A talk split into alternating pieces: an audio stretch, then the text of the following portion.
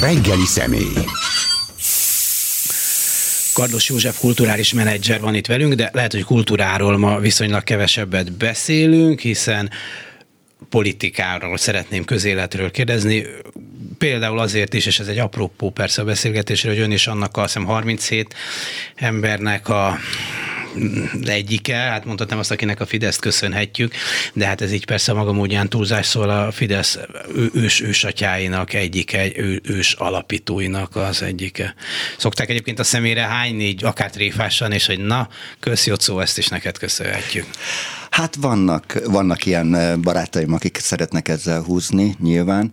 Jó reggelt kívánok egyébként, üdvözlöm a hallgatókat.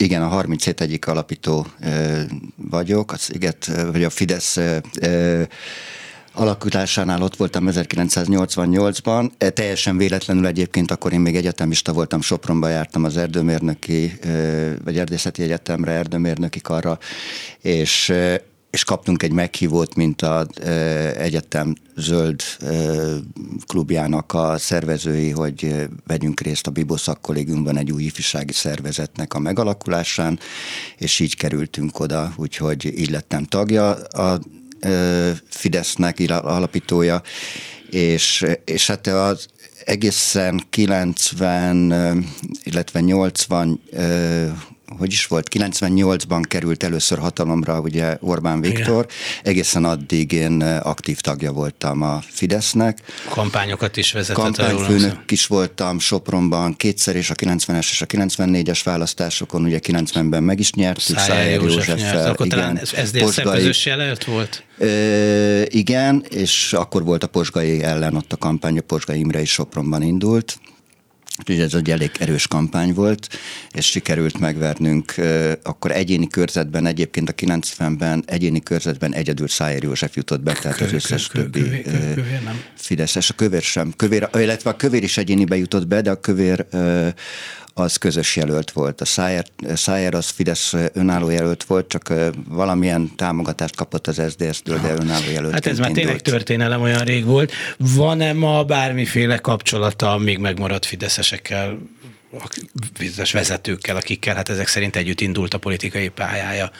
Nincsen különösebben senkivel szoros kapcsolat. Nyilván időnként különböző eseményeken összefutok régi ismerősökkel, régi arcokkal, és köszönünk egymásnak ennyi a kapcsolat. Amit egyébként sajnálok, mert pont ez az, ami szerintem a jelenlegi közállapotainkra is jellemző, hogy két két részre szakadt az ország, és hogy nem beszélünk egymással. Tehát, hogy én nagyon fontosnak tartanám azt, hogy hogy elinduljon valami párbeszéd, mert szerintem ahhoz, hogy ezt az országot helyre lehessen hozni, vagy újra fel lehessen építeni, mert ugye az elmúlt 13 év arról szólt, hogy mindent lerombolni, ahhoz, hogy újra lehessen építeni, ahhoz, ahhoz muszáj lenne a másik táborral is szóbálni, illetve a két tábornak egymással szóbálni.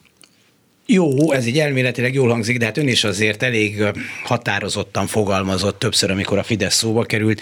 Mondjuk 2021-ben azt mondta, hogy meg kéne tudni, hogyan és miért vállalt, vált egy demokratikus és liberális párt szélső jobboldali képződményé, akkor olyanokat mondott, hogy ez nettó fasizmus, amit képviselnek. Szóval ezek, nem akarok a tartalmukkal vitatkozni, de nem a párbeszédet elősegítő megjegyzések feltétlenül.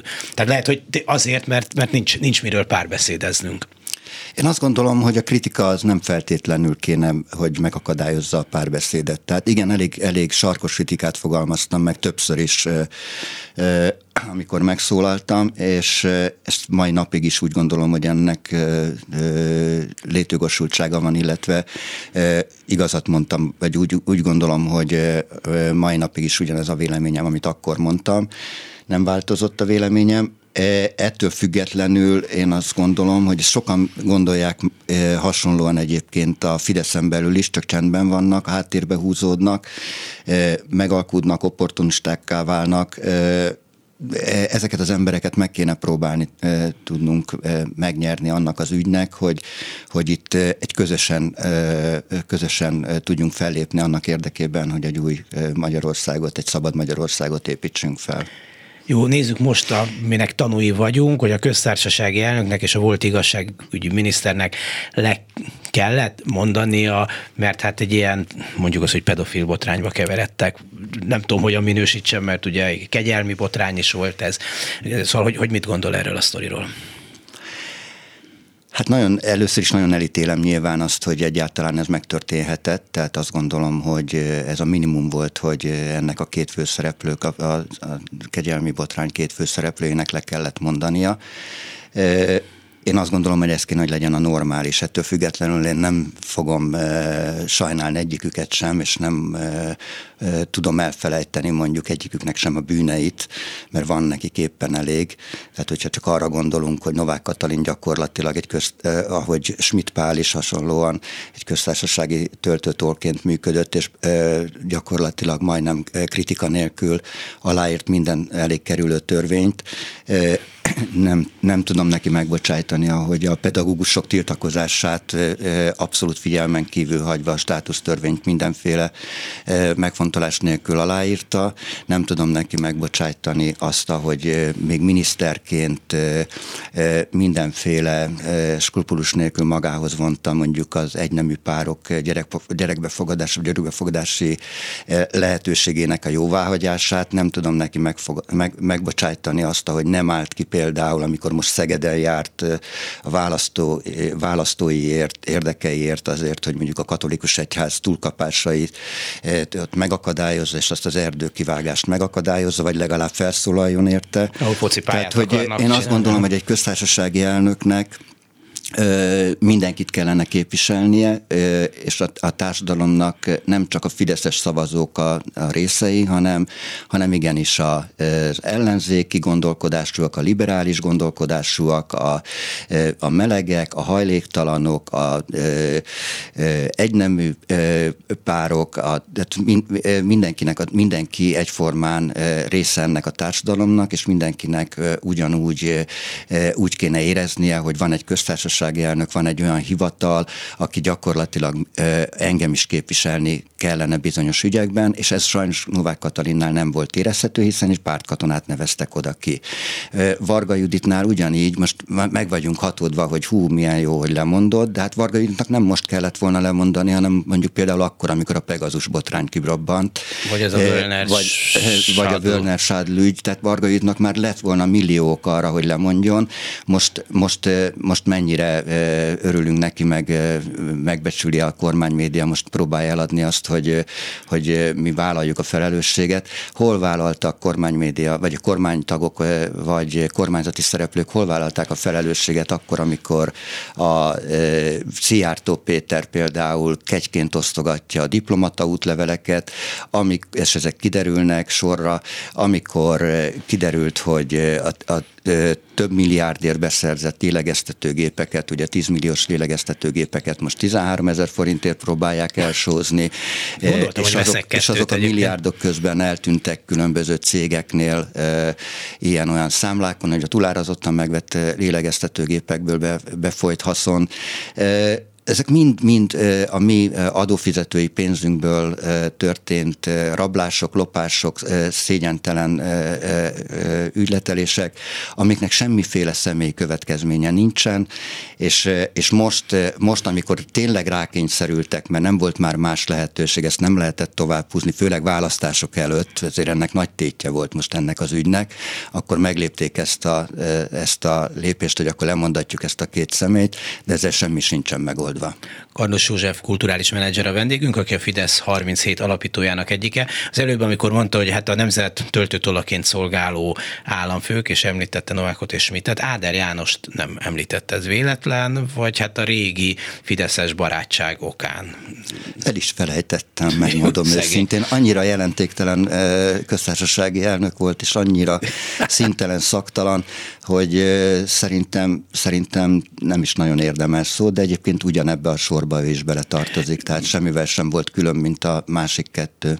Azért is kérdezem ezt, mert mikor Áder köztársaság elnök volt, akkor megjelent egy nyílt levele már önnek, amit neki írt egy ilyen régi bajtársi hangon, tegező, tegező hangon, mert nyilván hát az életbe tegeződtek, azt, hogy te, aki hát egy normálisabb ember voltál, vagy, vagy mit szólsz ahhoz, hogy egy, egy, egy fasizálódó kormány lépéseihez asszisztálsz, foglalom most össze egy a saját szavaimmal a, az önlevelét. Az így van, így van, mert én, én annak idején, amikor a Fidesz úgynevezett hőskorában, tehát az, a, az első jó pár évben, amikor még a Fidesz ellenzéki pártként működött, akkor, akkor az elég, eléggé aktívan részt vettem a, a Fidesz mozgalmában, építésében, szervezet építésében. Én Soproni, Soproni Fidesznek voltam nagyon sokáig a vezetője. Rendszeres résztvevője voltam a különböző Fidesz kongresszusoknak, és, és ismertem ezeket az embereket személyesen, tehát nyilván mint alapító is, meg nyilván mint a Soproni szervezet küldötte, illetve a Soproni szervezet elnöke közvetlen kapcsolatban is voltam, és Áder meg ráadásul Györmoson Sopron megyei, tehát őt azért elég közelről ismertem, meg sokszor beszéltünk és találkoztunk, és én őt egy tisztességes, becsületes embernek tartom. Egyébként nem feltétlenül mondanám azt, hogy, hogy mindenki tisztességtelen ebben a rendszerben, hanem inkább csak tényleg azt, amit írtam abban a levélben is, hogy a, a, a hallgatás a, a, a, lesznek cinkosai ennek a rendszernek, asszisztálnak hozzá, hagyják, hogy ez megtörténjen, nem, szó, nem tesznek ellene semmit, nem emelik fel a hangjukat, nem mondanak le időben arról a közjogi méltóságról vagy pozícióról, amikről le lehetne mondani, vagy azt lehetne mondani, mondani, hogy állj, eddig volt, és ne tovább, hanem, hanem tényleg hagyják, és most már oda jutottunk el, hogy gyakorlatilag még hogyha most holnap megbukik ez a rendszer, mert előbb-utóbb úgyis meg fog bukni, mert ennek meg kell bukni, ez törvényszerű, tehát ez hosszú, hosszú távon nem lehet fenntartani ezt az embertelen hazug rendszert, amiben élünk akkor, akkor is nagyon, lesz, nagyon nehéz lesz újjáépíteni, lásd Lengyelország példáját, tehát hogy olyan szinten bebetonozták itt magukat különböző törvényekkel, olyan szinten átpolitizálták az intézményeket, és mindenhova saját kádereiket tették, hogy, hogy ezt őrült nehéz lesz itt bármit tenni, hogyha holnap mondjuk elveszíti a választást a Fidesz. És hol vagyunk attól a holnaptól még? És ezt köszönhetjük ezeknek a politikusoknak, tehát Áder Jánosnak is, eh, Novák Katalinnak is, és még nagyon sok másnak, eh, tehát azért eh, én, én tudnék most neveket mondani, még hogy kikben csalódtam nagyon, mert azt gondolom, hogy egyébként egy értelmes, művelt, egyébként szintén belül liberálisan gondolkodó emberekről van szó, mégis az arcukat adják ehhez a rendszerhez. Ma már azért e, ilyen kevés lehet, aki belül őszintén liberális és kívül fideszes. Nehezen tudom elképzelni. Hát, van egy polgármester is mondjuk a fővárosban, egy fideszes polgármester, aki nagyon sok éve regnál, és és, Vagy kerületi polgármester. Kerületi polgármester, igen. És, Na jó, de és igen. nem, hiszem, hogy, nem hiszem, hogy az ő, ő most nagyon csendben van, visszahúzódott, és polgármesterként próbál, próbálja túlélni ezt a, ezt a szörnyű ö, időszakot. Hát jó, ez a, felszokták Vannak ezt a kicsit ilyenek, tehát most, ezt a, most hirtelen ő jutott eszembe, de az van, ember, az van ember még arcú más fideszes, is. tudom, ezt a viccet el szokták sütni, hogy létezik-e ember arcú fideszes, de hát azért ő is asszisztált mondjuk egy olyan provokatív dolgokhoz, mint a Turul szobor felállítás, vagy ilyen Habpokorni Zoltára gondolt igen. például. Engem régóta érdekel az, hogy hogyan változtak meg ezek a liberális emberek, vagy látszólag liberális emberek, akik a Fidesz első generációjához tartoztak, mi volt az a váltás, hogyan ért, érezték, hogy most már egészen mást is lehet csinálni. Ugye én kicsit én távolabbról figyeltem azért ezt, mint újságíró, de miután egy generációból valóak vagyunk, szóval, hogy, hogy úgy, úgy tényleg volt személyes kapcsolatom is egy darabig ezekkel az emberekkel, és tudom, hogy amikor Orbán Viktor például megjelent, akkor voltak, akik rögtön le Arturo újizták, meg nem tudom, ilyeneket mondtak rá, amiket én akkor nagyon-nagyon erős túlzásnak, vagy igazságtalanságnak éreztem, és még azt sem mondom, hogy az idő igazolta, mert mint hogyha két másik emberről beszélnénk, de hol volt az a pont, amikor, amikor rájöttek, hogy meg kell fordulni a politikában, hogy, hogy a politikából baromi nagy üzletet lehet csinálni, és éppen, ha elég átlástalan vagy, szinte bármit megcsinálhatsz. Én nem hiszem, hogy volt egy ilyen határozott pont, hanem ez szerintem ez egy hosszú folyamat volt, és Nyilván talán, talán a, a, az első olyan törése a, a Fidesznek, vagy a Fideszen belül az akkor volt, amikor az a e, csoport Fodor Gábor vezetésével ott hagyta a Fideszt, és és akkor derült ki, hogy az a, az a fajta liberálisabb vonal, amit Fodor Gáborék képviseltek, az az kisebbségbe szorult Orbán Viktor határozott elképzeléseivel szemben, és én, én még, még én is akkor úgy voltam vele, én nagyon sajnáltam ezt a szakítást, és akkor abban, abban az időszakban én egyébként a Fidesz etikai bizottságának is a tagja voltam, és, és próbáltam is a két ember között közvetíteni, tehát hogy ezt a szakadást ezt megpróbáljam megakadályozni, sikertelenül nyilván, de hogy, de hogy maradtam a Fideszben, és hittem abban, hogy Orbán Viktornak határozott elképzelései vannak, jó irányba akarja ezt az országot vinni, e, és, és támogatnunk kell, és mögötte kell maradnunk. Tulajdonképpen az, hogy én a mai nap e, itt ülök, és, e, és hogy időnként megszólalok, egyébként civilként élem az életemet, tehát semmi közöm a politikához. Ez annak köszönhető, hogy hogy egyszerűen lelkiismeret fordalásom van, hogy én ezt időben nem fedeztem fel, és, és tulajdonképpen én is hozzájárultam ahhoz, hogy ez az ember hatalomra kerüljön. Ez az ember, ez egy célhámos, tehát ezt most már látja mindenki, lehullott a lepel. Orbán Viktor egy szélhámos, egy, egyébként egy elég rossz fajta, vagy egy rossz ócska szélhámos szerintem, aki, akiről muszáj lenne, hogy felébredjen ez az ország a Csipke Rózsika álmából, és, meg, és, és rájöjjön erre, és rájön, hogy tulajdonképpen egy 13 éve félrevezetik, hazudnak, álproblémákat gerjesztenek, gyűlöletet gerjesztenek különböző csoportok iránt, és ezzel próbálják meg a valódi problémákról elterelni a figyelmet. El akarják velünk hitetni, amit már, már nem tudnak elhitetni egyébként, hogy az infláció sokkal alacsonyabb, mint a tényleges infláció, csak a saját pénztárcánkon ezt érezzük, mert most már a KSH-t is ugye saját politikai irányításuk alá vették, tehát tulajdonképpen azok a számok sem valósak, amiket onnan kapunk el akarják velünk hitetni, hogy milyen jó nekünk, el akarják hitetni, hogy fejlődik ez az ország, és közben leszakadunk mindenkitől, a, régióból is, Európától is, el akarják hitetni velünk, hogy Orbán Viktor mekkora nagy ász a, a világpolitikában, közben látjuk azt, hogy, hogy gyakorlatilag abból a tekintetben nagy ász, és sok szó van róla, hogy csak negatívan írnak róla is, és Magyarországról is. Tehát, hogy, hogy egy alternatív valóságot építettek fel, amiben most megpróbálunk, megpróbál az ország egyik fele hinni, a másik fele pedig ezt zsigerből megpróbálja elutasítani, vagy megpróbál legalábbis ezen kívül élni, de de azért azt, azt látnunk kell, hogy, hogy gyakorlatilag egy szélhámos kaparintotta magához ezt az országot. Karlos József, Fidesz egykori alapító a vendégünk. Hát ha, ha mondjuk szélámos, akkor működik a dolog annyiban, hogy annyi szavazót így vagy úgy összeszednek, olyan körülmények között, amit és olyan rendszerben, ami, ami azért kell ahhoz, hogy legitimálja mindazt, ami történik. Én nem gondolom, hogy az legitim, hogy olyan választási rendszert állítok fel, ami, amivel mondjuk 40-45 százalékkal is kétharmadot lehet nyerni. Nem gondolom azt, hogy egy tiszt, tulajdonképpen 2010-ben volt az utolsó tisztességes választás Magyarországon. Azóta egyrészt a választási törvény átírásával, illetve a választási szabályok semmibevételével, a kampány, kampány finanszírozási szabályok semmibevételével, hiszen ők gyakorlatilag korlátlan pénzzel rendelkeznek, hiszen a mi adófizetői pénzünkből négy éven keresztül mossák az agyunkat, és terjesztik a hazug propagandájukat.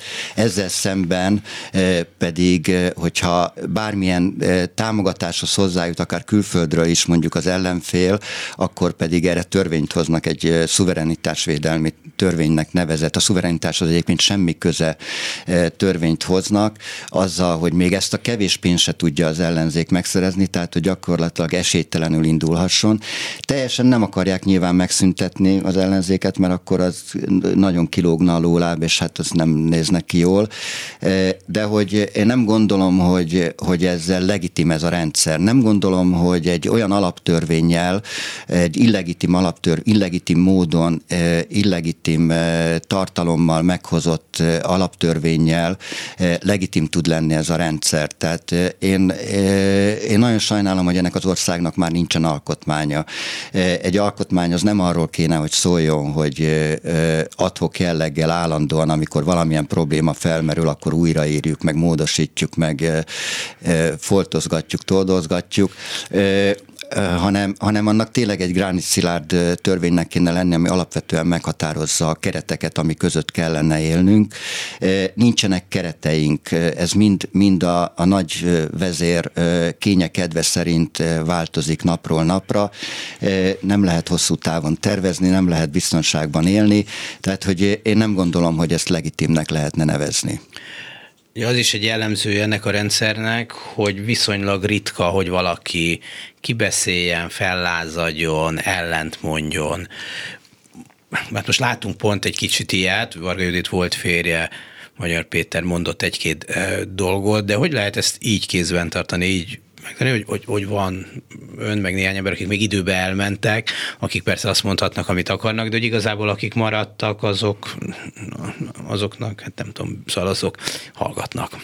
Vagy még tetszik is nekik, vagy ők maguk csinálják, hiszen nem egy ember csinál egy diktatúrát sem, hanem ahhoz sok ember kell, hogy az működjön. Hát igen, előbb meg kell, nyilván megkaparintotta először a pártot, tehát ott eluralta a, Fideszt. A Fidesz már nem pártként funkcionál. Hát a Fidesz, ugye nem tudom, annak idején voltak például, csak hogy párt működéséről kap, működésével kapcsolatban, tehát hírbe bekerült mondjuk, hogyha volt egy Fidesz választmányi ülés, vagy egy Fidesz elnökségi ülés, és az érdekes volt, illetve vártuk, hogy mit fog az elnökség dönteni. Megszólaltak a különböző elnökségi tagok, alelnökök. Ma tudjuk, hogy kik a Fidesz alelnökei? Azt nem, de Novák Katalin volt alelnök, arra emlékszem. Igen, most azt őt megtudtuk, igen. Ezek megszólalnak valamikor Fidesz alelnöki minőségükben? Hát most jobb lenne nekünk a német Szilárd megszólalna magunk de, között de, szólva. Hát nem, nem, nem Mondjuk lenne jobb. tőle egy jó nyújás nem lenne jobb, csak annak idején, annak idején komoly viták voltak mondjuk a Fidesz elnökségében is, meg választmányában is. Tehát, hogy azért nem volt olyan egyszerű Orbán Viktornak mondjuk egy-egy döntést elfogadtatni. Úgy foglalt el ezt is, hogy gyakorlatilag folyamatosan lecserélte azokat az embereket, akik mer, ellene mertek mondani, vagy megmertek egyáltalán más, más véleményt fogalmazni. Ezeket az embereket szépen lassan lecserélte, háttérbe szorította, olyan emberekkel vette körül magát, akik teljes mértékben elfogadják a gondolkodás nélkül, kritika nélkül azt, amit ő akar és mond, és és így elfoglalta a Fideszt, és utána, utána a fidesz e, e, egyébként nyilván, nyilván az előző e, kormány hibájai e, e, okán is 2010-ben egy e, e, földcsúszamlásszerű győzelmet aratott, és ezt a győzelmet használta utána ki arra, ezt a kétharmados győzelmet, hogy, hogy teljesen átépítse, vagy leépítse a, a jogállamot, teljesen kiiktassa a fékek ellensúlyok rendszerét, rendszerét, akkor emlékszünk az opera előtti nagy tüntetésre, amikor ugye az új alaptörvényt ja, akarták elején, elfogadtatni. Igen. Emlékszünk arra, hogy ez mennyire nem volt egy társadalmi egyeztetés, nem, mennyire nem előzte meg egy társadalmi egyeztetés. Emlékszünk arra, hogy ezt egyedül csak ők szavazták meg. Emlékszünk arra, hogy, hogy milyen a, a társadalom különböző rétegei mennyien tiltakoztak az ellen, hogy ez az alaptörvény bevezetésre kerüljön. Emlékszünk arra, hogy utána aztán a propaganda kitalálta, hogy alaptörvény asztalok, vagy mik voltak ezek? Ja, a, a Kerényiminek ez az alaptörvény asztalai. Alaptörvény asztalai. Hát már nem is lehet kirakni ezt az alaptörvényt, hiszen már annyiszor úgy kéne átragazgatni, meg celluxal össze-vissza foltozni, hiszen már régen semmi köze az, amit annak idején elfogadtak, hiszen állandóan módosítgatták. Emlékszünk arra, hogy a NER annak idején nagy büszkeséggel ők vezették be ezt a fogalmat, hogy mi is nemzeti együttműködés rendszere, vagy valami, így hívják. Azt hiszem, Ma már ezt le nem éri, a, a, és ez, ez, ennek is volt valami nyilatkozata, azt hiszem, vagy ezt is ki kellett tenni a hivatalokba ezek eltűntek, ez már a kormány, kormány média sem hivatkozik rá, tehát a NER szitokszóvá vált. A, a, a mi részünkről nyilván, az ő részükről meg inkább elhallgatják, mert most már ők is tudják, hogy ciki. Ciki, hiszen a NER egyenlő lett a korrupcióval, a NER egyenlő lett az urambátyámhoz mutyizós világgal, amiben élünk, és ezt, és ezt már nagyon szeretnénk végre, hogyha ennek vége lenne. Hagy kötözködjek egy kicsit, hogy jó gondolatjuk az, hogy, a, hogy ez milyen csúnya dolog, hogy így dőlnek el a dolgok. Na de hát ha a hatékonyság vagy az eredményesség szempontjából nézzük, akkor az a párt, amiben kusva, rendcsend, fegyelem megszerzi a hatalmat, és meg tudja szilárdítani, hogy abban maradjon, míg mondjuk az a párt, mert mondjuk az MSZP-ben hát ott aztán volt ellenvélemény, mindenki mondott mindenfélét. Itt szavazta, egyik megszavazta, a másik rögtön mondta, hogy az nem úgy van, és ez nem vezetett tehát ez nem működött, a másik meg működött. Lehet, hogy nem azt mondja egy, egy valaki, aki a hatalmat akarja, és mit akarjon valaki, aki egy ilyen politikus, hogy Oké, okay, de az nem hatékony, ha mindenki össze-vissza beszél, és itt szavazgat, és akkor majd eldöntjük, meg bejön bármilyen vidéki küldött, és mond valami, öt Sopronból mond, vagy nem, nem, nem, álljunk már meg a menettel. Ha az van, amit én mondok, és mindenki ehhez tartja magát, legalábbis látszólag, akkor meg elérünk eredményeket. Na, mit szeretnétek? Igen, azt gondolom egyébként, hogy kell időnként, kell a határozott vezető, és kell időnként határozott döntéseket hozni, és nem lehet partalan viták mentén állandóan elodázni a, a fontos döntéseket, de ez nem, nem jelenti azt, hogy a demokráciának nincsen létjogosultsága. A démosz, ugye a nép, nép akarata érvényesülni kellene a, egy normálisan működő demokráciában, most normálisan működő országban. Azzal, hogy kiiktatom gyakorlatilag választás tisztaságával vagy tisztességével kiiktatom annak lehetőségét, hogy a nép tényleg komolyan véleményt alkothasson. Azzal, hogy kiiktatom a népszavazás rendszerét a rendszerből, mert gyakorlatilag ma már nincsen nép, normális népszavazás Magyarországon, vagy nincs, nincs rá lehetőség. Azzal, hogy egy olyan alaptörvényt hozok, amit nem hagyok jóvá egy népszavazással, vagy legalább nem egy, egy alkotmányozó nemzetgyűléssel próbálom meg elfogadtatni, abban a társadalom különböző rétegeit bevonom, és közösen hozzuk meg azt a társadalmi konszenzusra épülő új, tök mindegy alaptörvénynek vagy alkotmánynak nevezett dokumentumot. Ezekkel, ezekkel a kiiktatásokkal gyakorlatilag teljesen megszüntetem a demokráciát. Lehetne, lehetne olyan rendszerben élni, el tudnám tudnám fogadni, hogy van egy határozott vezetőnk, aki, aki egy kitűzött cél mentén, a közösen kitűzött cél mentén halad előre, de itt nincsenek közösen kitűzött célok. Itt ránk való hivatkozással velünk való takarózással próbálnak meg külföldön eladni Orbán Viktor személyes érdekeinek megfelelő, és az ő személyes ambícióinak megfelelő dolgokat, állításokat. Lásd Ukrajna kérdését. Tehát, hogy mi érdekünk van, magyarok mi kértük azt, hogy vesszünk össze a szomszédországunkkal. Soha nem volt semmi bajunk Ukrajnával, amíg ez a háború ki nem tört.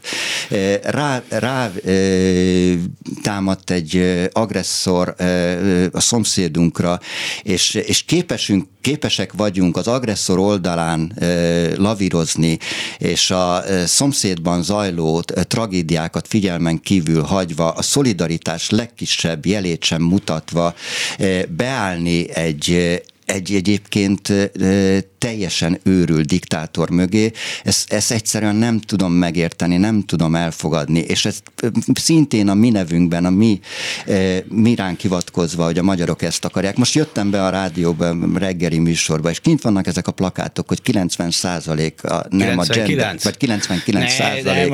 a nem gender propagandára, 99 százalék a mit tudom, migráns gettókra, nem tudom, menjenek a fenébe, hát hogy képzelik ezt, hogy, hogy erre rám hivatkoznak, elnézést, én is hát lehet, részese mi vagyok. vagyunk, csak mi nem, szól, nem, vagy nem, mi nem válaszoltunk. Nem, igen, hát egyrészt nagyon kevesen küldték vissza, egyrészt egyrészt. Már ezek a plakátok valószínűleg egy, előtte lelettek gyártva, tehát ezt nem persze. akkor csinálták nyilván. Ugye kiderül, kiderült a kutyapártos, vagy melyikes, igen. melyik politikus. Nyomkövetőt tett a levélbe, és kiderült, hogy előbb volt az eredmény, mint igen, tehát, hogy Jó, hát e nem volt annyira, annyira átlátszó, és annyira... Tehát, hogy én, én ezen Viszont valaki jól keresett rajta, hogy... azért azt ne felejtsük el, hogy valaki jól keresett rajta. Persze, mindenen jól, mindig minden, megvan mindennek az oka, és mindig ott van, hogy kikeres rajta jól. Hogy mikor a Fidesz indult, azért ez egy generációs lázadás is volt. Egy idősebb, a hatalomba beleszürkült, belefáradt, politikai, politika ellen, vagy politikai réteg ellen is, is lázadt. Szóval nem csak egy ideológiai lázadás volt ez, hanem, egy, hanem szerintem mindenképpen egy generációs válasz is arra, ami akkor volt. Na most ezek a fideszesek, hát sajnos ez a mi korosztályunk, már mi kettünk korosztálya is, hát idősebb urak lettünk, és hát ön azért, mint kulturális menedzser és nagy programok szervezője nyilván lát fiatalt közelről, vagy fiatalokat nagy tömegben, hogy, hogy szerveződik egy, egy új fiatalok ilyen generációs lázadása, vagy, vagy már más kerülő utak vannak, vagy ma már annyira nyitott a világ, hogy nem kell lázadni, el lehet menni, vagy szóval, hogy, hogy mi egy fiatal válasz erre, mit lát ebből? Hát sajnos én azt látom a ö, akikkel én találkozom a legtöbbben, hogy, hogy próbál, próbálja magát ebből az egészből kivonni, próbál nem, nem odafigyelni, nem, nem foglalkozni a dologgal, tehát inkább a közönyt látom és a beletörődést, és ebben benne van igen annak a lehetősége is, hogy abból a tekint, abban a tekintetben sokkal szabadabbak vagyunk, mint mondjuk a rendszerváltás előtt, hogy tényleg el lehet menni, el lehet menni külföldre tanulni, el lehet menni külföldre dolgozni. E, e, amíg az Európai Unió tagjai vagyunk, ez az EU-n belül e, szinte teljesen magától értetődő Úgyhogy, úgyhogy én nagy fájdalommal élem meg egyébként azt, és egy második trianonként élem meg azt, hogy az elmúlt 13 évben több mint félmillió, vagy már lehet, hogy annál is több fiatal hagyta el, magyar állampolgár hagyta el Magyarországot. Tehát, hogy már nem De itt másrészt meg jó, hogy nem vagy bezárva egy országban. Persze, jó, és hát ennek... Meg vissza is lehet jönni, hát van, aki visszajön. Há, persze, látjuk, igen, a nagy sikerét ezeknek a hazaváró pontoknak, vagy nem tudom mi, de hogy ezek az emberek egyébként a legtöbb nem fog nyilván visszajönni. Tehát azért, aki megtalálja kint a számítását, akinek a gyerekei már ott járnak iskolába, és ott kezdenek el felnőni, azok nem fognak valószínűleg visszajönni, vagy majd lehet, hogy visszajön nyugdíjas éveire, mert, mert mégiscsak ide köti a szíve, de, de, de az ő gyerekei és az ő unokái, akik már ott születtek, ott nőttek fel, még, még egy generáció beszél magyarul, már a második generáció töri a magyart, a harmadik generáció már meg egyáltalán nem fog valószínűleg beszélni. Igen, Tehát, ez, ez őket a, hosszú távon a, a, a románok, a lengyelek, a bolgárok így, így jártak. Így me, van, me, meg nyilván me, a szegényebb országokra ez jellemző, és Magyarország most épp a legszegényebbek közé került. Ez jellemző nyilván egy, egyfajta gazdasági kivándorlás is, de, de itt nem csak gazdasági kivándorlásról volt szó, hanem tényleg arról, hogy, hogy egyszerűen ebbe a közegbe, ebbe a gyűlölködő eh, közegbe eh, nagyon sok embernek egyszerűen nincs kedve élni, és nincs kedve a gyerekeit itt eh, felnevelni. Kardos József, kulturális menedzser, a Fidesz egyik, még a nagyon régi Fidesz egyik alapítója a vendégünk. Most az körülbelül, hogy milyen ez a rendszer, ezt leírtuk. Most nem csak most mi ketten, hanem ezt úgy körülbelül úgy látjuk. A kérdés az, hogy hogyan lehet ebből kikeveredni előbb, mert, mert nyilván azzal biztatjuk magunkat, hogy egyik rendszer sem tart örökké, meg majd összeomlik, meg a törökök is 150 év múlva hazamentek, de hát azért 150 év az elég sok. Szóval, ja, hogy reméljük, meg... hogy 150 évet nem kell Nem, ez nem valószínű erre. valóban, de, de, de, de hát ezt, akkor is. Ezt is már lenyilatkoztam egyébként valahol, hogy én remélem, hogy megérem ennek a hazug, korrupt rendszernek a meg, végleges bukását, ami egyébként törvényszerű. Szóval ennek ez, tényleg ez fenntarthatatlan hosszú távon itt én még hosszú agóniára számítok, tehát nyilván Orbán Viktor magától nem fogja kiengedni a gyeplőt a kezéből. Szerintem Grósz tehát, Károly sem akart, hogy egy ilyen történelmi példát mondja, igen, és igen, tök, tudom, hogy most ez tök más világ. Nem akarta, aztán egyszer csak elúrott az Igen, hát lehet még, lehetnek még olyan, meg fognak még nyilván kiesni a szekrényből olyan ügyek, amik, amik még jobban fel fogják kavarni a társadalmat, illetve még nagyobb felháborodással fognak járni, tehát vannak bőven ügyek ott, de de a, a nagy probléma az az, hogy a másik oldal nem tud egyszerűen összeállni, nem tud, nincs egy olyan karizmatikus vezető, aki, aki mögé be tudna, vagy oda tudna sorakozni az összellenzék. De hát erre szokták mondani, hogy nem akarunk egy, egy ellen Orbán Viktort. De, de az a baj, hogy ebben a jelenlegi rendszerben, amiben most, amit most ránk kényszerített ez a rendszer, tehát a választási rendszertől kezdve a, az alaptörvény egyebek, hogyha ezt most magunkra nézve elfogadjuk ezeket a játékszabályokat, már pedig elfogadták ezek a pártok, hiszen indultak az elmúlt választásokon is, bennülnek a parlamentben, e, nem zavarja őket, hogy egyébként a parlament az egy biodíszletté vált, és ők is a biodíszlet részei. E, tehát, hogy a törvényeket, vagy a szabályokat, játékszabályokat, egyébként nem fair játékszabályokat elfogadták, akkor ezek alapján a nem fair játékszabályok alapján kell tudnunk megnyerni, vagy legyőzni ezt a rendszert. Márpedig itt más, más megoldás nincs, mint az összefogás, és ezért nagyon, nagyon vagyok, nagyon szomorú vagyok, amikor mondjuk a Momentum most ezt elkezdte ezt a különutas politikáját, ezzel, ezzel csak az ellenzék, ellenzék győzelmi esélyei társa alá, és egyáltalán nem segíti azt, hogy itt a változás minél hamarabb bejöjjön. Igen, én is Le, azt hiszem, hogy összefogás nélkül. De nyilván az az ellenzék, ezeknek az ellenzéki pártoknak, akik nem fognak össze, az a logikájuk, miközben hát látjuk, hogy az össze, vagy én azt gondolom, hogy az összefogás mégis szebb lenne, de hát egyrészt nem hozott olyan nagy eredményt a múltkor sem, másrészt meg az a logikájuk, hogy most úgy sincs esély nyernünk, már nekünk, mint ellenzéknek, ezért most itt egymás közt játsszuk le ezt a meccset, szakítsunk le minél nagyobb szeletet az ellenzéki térfélből, és akkor majd úgy talán lesz valami esélyünk, vagy ha nem is lesz esélyünk átvenni a talmat, de legalább még kicsit nagyobbak Hát leszünk. igen, ez nagyon okos dolog, mondjuk a megyei jogú városok vagy kerületek esetében mondjuk több ellenzéki polgármester jelöltet indítani, Igen. és ahol, ahol eddig legalább ellenzéki vezető volt, és, és egy élhető, én egy élhető kerületben élek, nyolcadik kerületben. Piko, Piko, Piko András polgármestersége alatt. Nekünk itt van, itt, itt ült sokáig igen, igen, tudom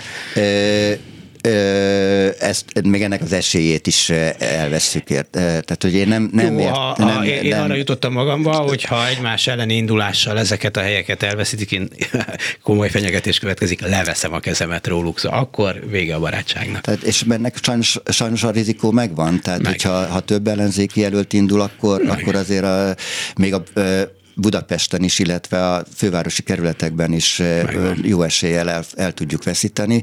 Tehát én azt gondolom, hogy ilyenkor nem, nem ennek van az ideje, hogy, illetve építsék, mindenki építse a szervezeteit, menjen vidékre, és nyerjen meg minél több tagot magának, és alapszervezetet hozzanak létre meg egyebek, de ne úgy próbáljanak meg maguknak támogatókat szerezni, hogy a másik rovás, másik ellenzéki párt rovására. A másik pedig, amit én nagyon fontosnak tartok, és ugye ezzel kezdtük a beszélgetést is, hogy meg kell tudnia az ellenzéknek is tanulnia beszélni a másik oldal, a másik oldal szavazóival.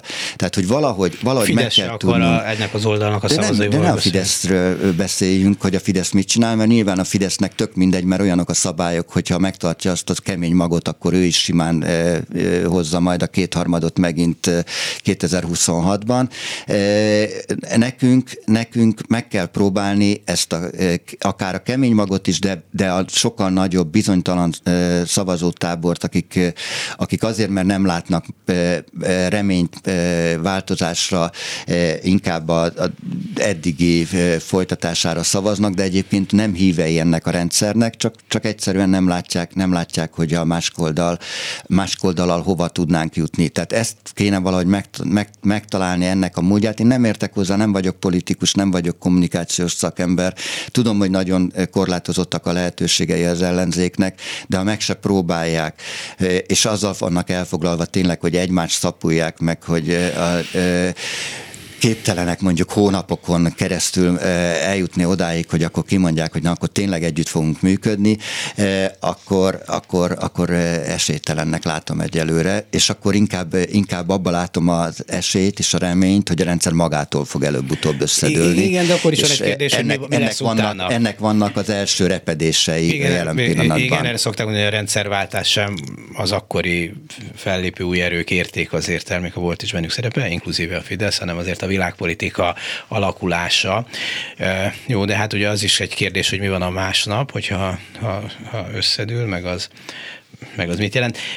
És egy pillanatra akkor visszatérnék a parlament amit említett, hogy hát az egy elég felesleges intézmény, mert sok minden ott már nem dől el, de hogy ez így volt a 80-as években is, ott aztán végképp semmi nem dőlt el, és akkor egyszer csak változott a világ, és egyszer csak kiderült, hogy a parlament fontos lehet. Addig nem volt fontos, mert addig a hazafias népfront már pedig két jelöltből választattál, eh, nekem az ötödik kerületben szem két mozdonyvezető közül kellett választanom. Eh, na mindegy, szóval, hogy, hogy, hogy, hogy egy, egy hát egy nem, nem volt szerepe, egy, egy látványszínház volt, még ha büfé jó is volt, de, de egyszer csak fontos lett a parlament, és eldőlt, hogy eldőltek a dolgok, és figyeltünk rá. Tehát lehet, hogy azért kell ott lenni a parlamentben, mert most nem fontos, de eljöhet egy normálisabb pillanat, amikor akár még ez a parlament is újra de, fontos de nem lett. a parlament intézményét vonom én kétségbe, vagy eszembe nem jutnak kétségbe vonni a parlament intézményét, de a jelenlegi parlamentnek így, ahogy most működik, illetve nem működik, ennek semmi értelme nincsen. És ezt én értem, hogy, hogy nem engedhetik egyszerűen meg maguknak az ellenzéki pártok, hogy elessenek állami forrásoktól, illetve frakciótám, ugye azzal, hogy frakciójuk van, azzal nagyon sok támogatást is kapnak. Amit aztán az ÁSZ visszaszed tőlük. Hogy, igen.